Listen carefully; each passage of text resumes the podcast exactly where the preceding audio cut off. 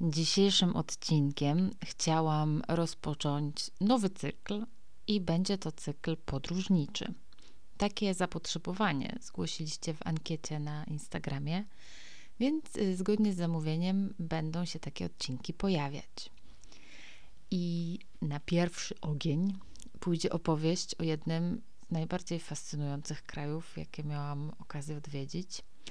I o kraju, który czasami wywołuje kontrowersje.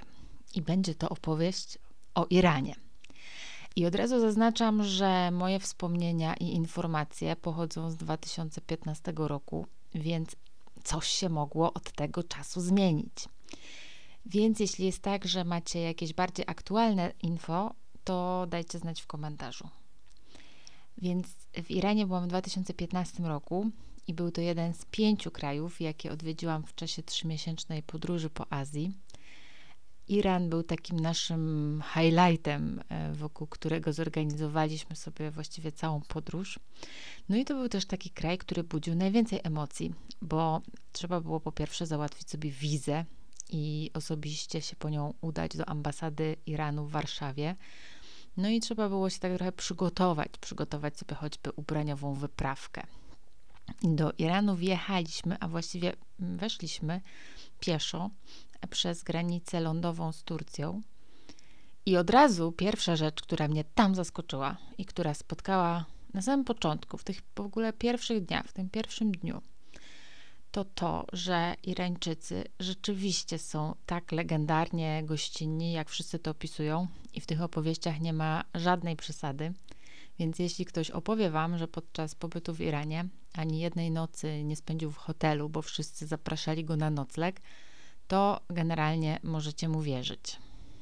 My w tych pierwszych dniach zatrzymaliśmy się w mieście Tabriz, blisko granicy z Turcją.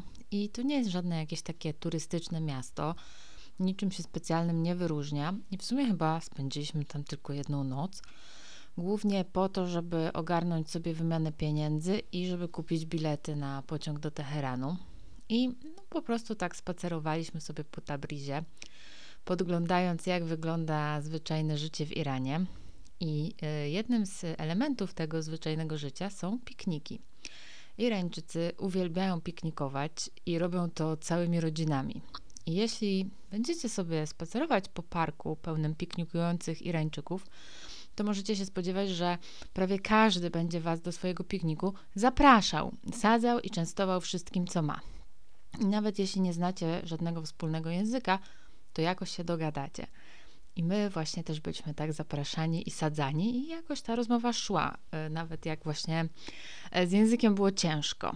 I właśnie tak jak Irańczycy zapraszają Was do dołączenia do swojego pikniku, tak właśnie również zapraszają Was do swoich domów i w sumie po Iranie można podróżować korzystając z couchsurfingu, który jest tam bardzo popularny i możecie liczyć właściwie na to, że wasi gospodarze będą was tak przekazywać z rąk do rąk i z miasta do miasta i jeszcze was odwiozą e, na dworzec.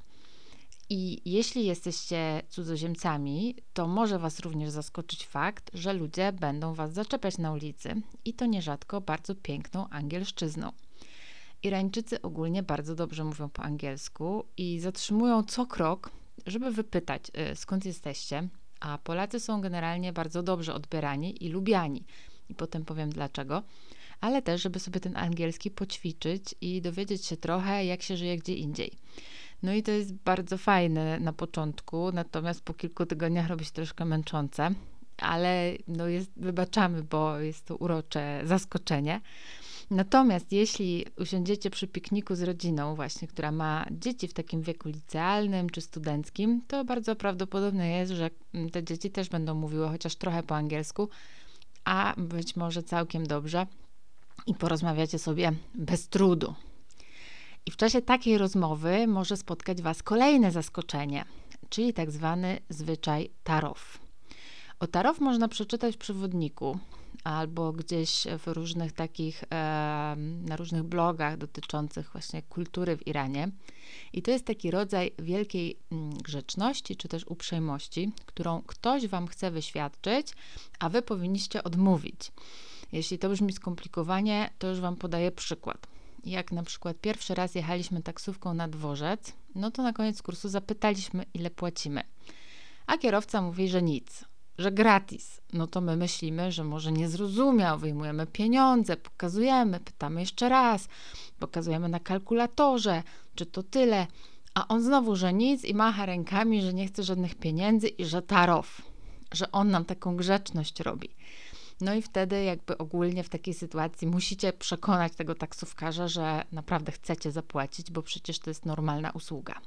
Albo inny przykład. Piknikujecie sobie w parku z nowo poznaną rodzinką. Pewnym momencie ojciec rodziny wygłasza przemowę. I syn wam tłumaczy i mówi: Mój ojciec z okazji święta przodków zaprasza was do domu swojego ojca na trzydniową ucztę. I tutaj, y, jeśli znacie tych ludzi od 15 minut, to musicie się zorientować, że to jest właśnie tarow i musicie odmówić. I oni jakby będą was przekonywać, żebyście przyjechali, a wy musicie mówić, że nie. E, bo co by się stało, gdybyście powiedzieli, e, ok, super, jadę.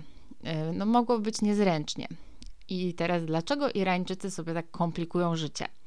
Otóż uważają, że żądanie pieniędzy jest po prostu niegrzeczne i że chodzi o to, że właśnie druga strona musi nalegać, że chce zapłacić. Tarow zakłada też na przykład targowanie się o ceny albo właśnie oferowanie czegoś za darmo, ale wy nie powinniście tego brać za darmo, tylko przekonać waszego dobroczyńcę, by jednak przyjął zapłatę. I skoro jesteśmy przy cenach, pieniądzach i zakupach, to są kolejne rzeczy, które mogą Was zaskoczyć. Po pierwsze, w 2015 roku w Iranie inflacja była taka, że jak powiedzieliśmy w kantorze, że chcemy wymienić 300 dolarów, to facet przyniósł nam pieniądze w reklamówce. Po drugie, Irańczycy nie zapisują cyfr tak jak my, tylko w wersji y, wschodnioindyjsko-arabskiej, która niby jest podobna, ale szczerze to wcale. Trzeba nosić ze sobą ściągawkę, żeby odczytywać, ile co kosztuje i żeby się w ogóle zorientować w cenach.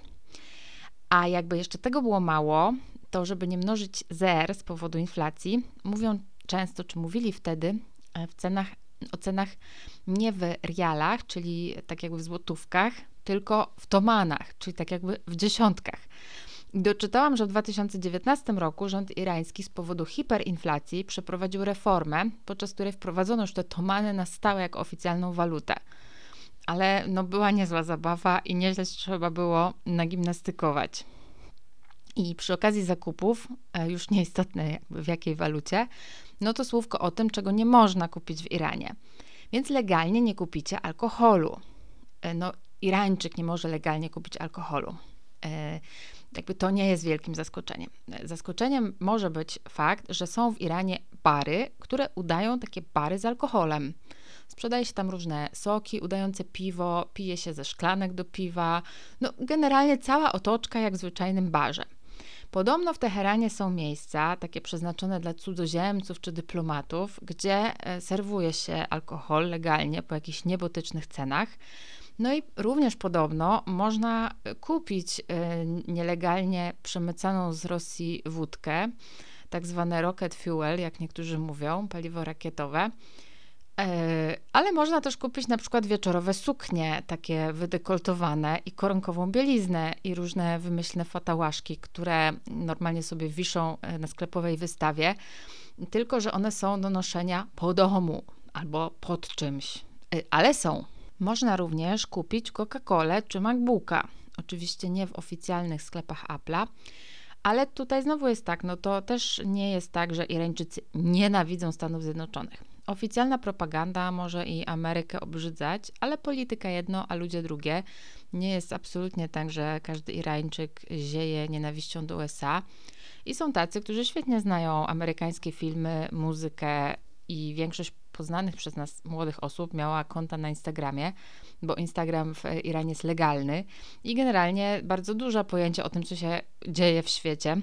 Kiedy w 2015 roku podróżowaliśmy po Iranie, to zainstalowaliśmy sobie VPN-a, bo na przykład Facebook e, nie, nie działał na irańskim internecie, ale jakby da się to ogarnąć i większych problemów z dostępem do informacji z zagranicy nie było. No i teraz, dlaczego Irańczycy właśnie tak lubią Polaków? I dlaczego w ogóle wiedzą dużo o Polsce? Bo wiedzą.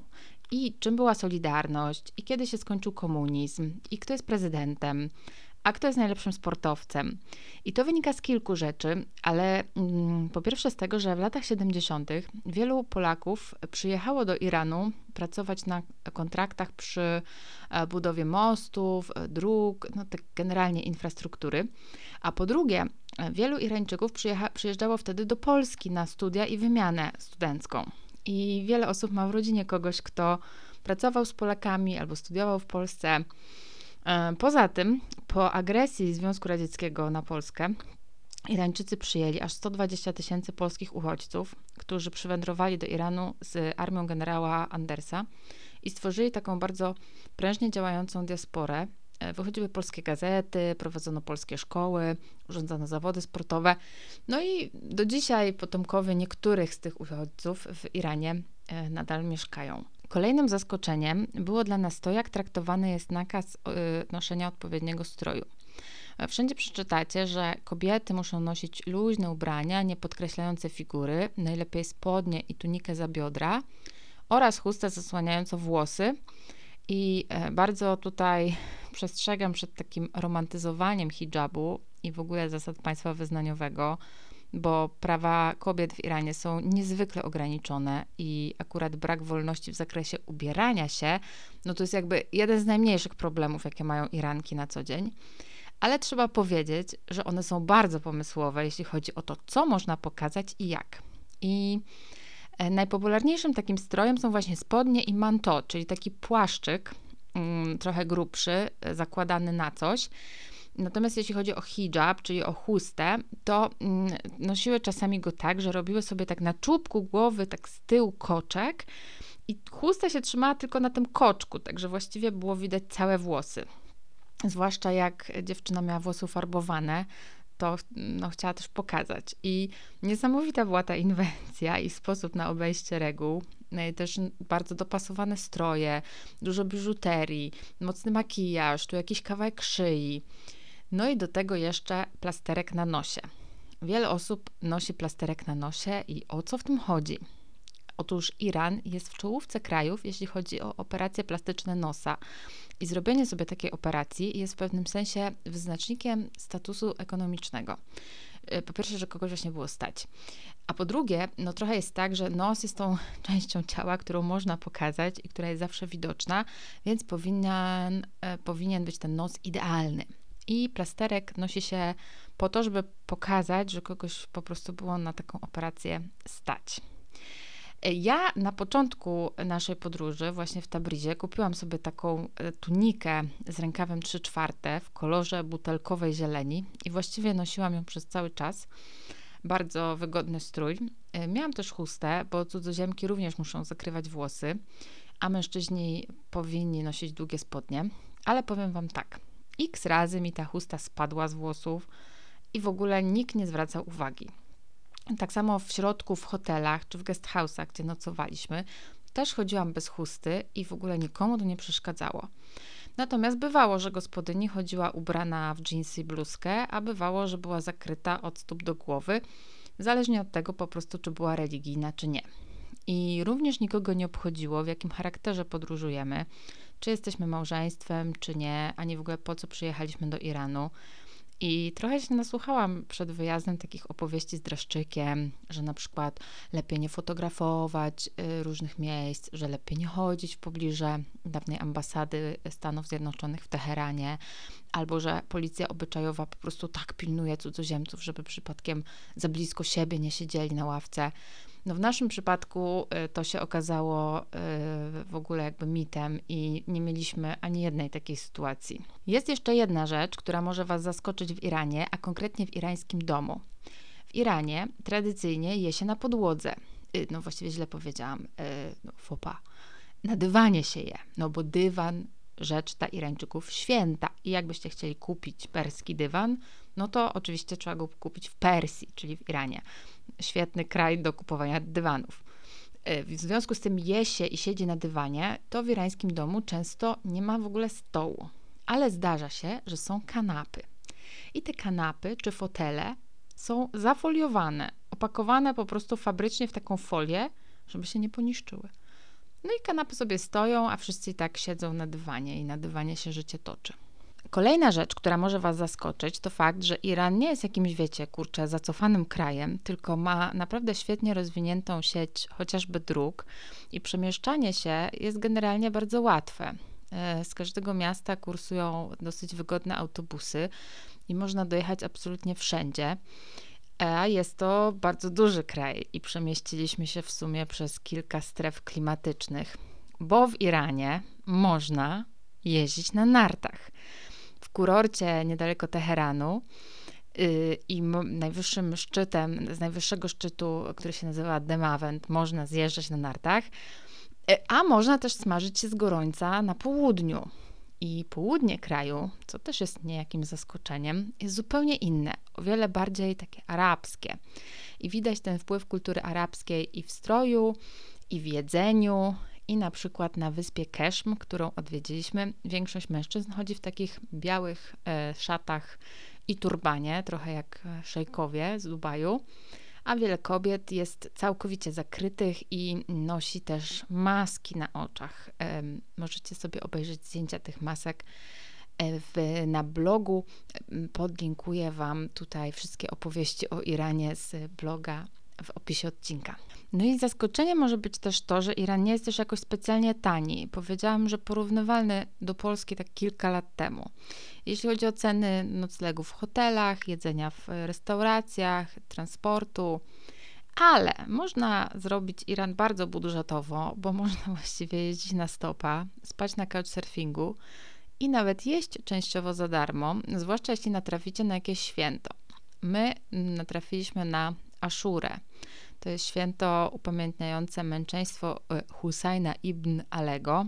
Mm, ono się charakteryzuje tym, że są takie procesje czy też zgromadzenia biczowników i tutaj głównie mężczyźni biczują się po plecach, tak aby właśnie upamiętnić to męczeństwo. Ale przy okazji rozdawane jest jedzenie i można całkiem dobrze się najeść. Na przykład można zjeść cieciorkę ze szpinakiem albo bakłażana z pomidorami, jakieś inne smaczne rzeczy i nie trzeba płacić. I również, co dla mnie było dużym zaskoczeniem, y, bezpłatne są wszędzie toalety i powiem Wam szczerze, że w żadnym kraju nie widziałam tylu publicznych, darmowych i czystych toalet. Właściwie są przy każdym meczecie i można z nich skorzystać, nieważne jakiego się jest wyznania i czy w ogóle jak, jakby jakiego się jest wyznania. I naprawdę bardzo duży props za to, bo wiadomo, że turysta potrzebuje mieć gdzie zrobić siku, wypić kawę i skorzystać z Wi-Fi i tutaj pod względem tej pierwszej potrzeby to Iran naprawdę jest e, w czołówce.